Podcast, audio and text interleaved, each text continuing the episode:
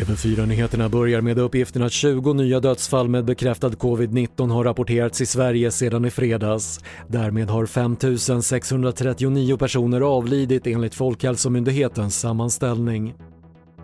Så till Malmö där sex personer döms för bland annat grovt bedrägeri efter att ett nätverk som lurat äldre avslöjades av polisen i början av året.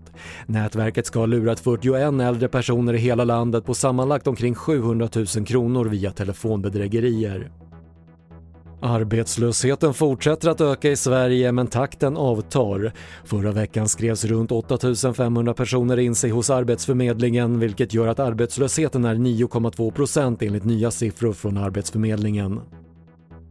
Och efter att vårens högskoleprov ställdes in till följd av coronapandemin ska nu Universitets och högskolerådet sammanställa förutsättningar för höstens prov. Den 6 augusti ska man redovisa om och i så fall på vilket sätt högskoleprovet kan genomföras den 18 oktober. Det var det senaste från TV4 Nyheterna. Jag heter Patrik Lindström.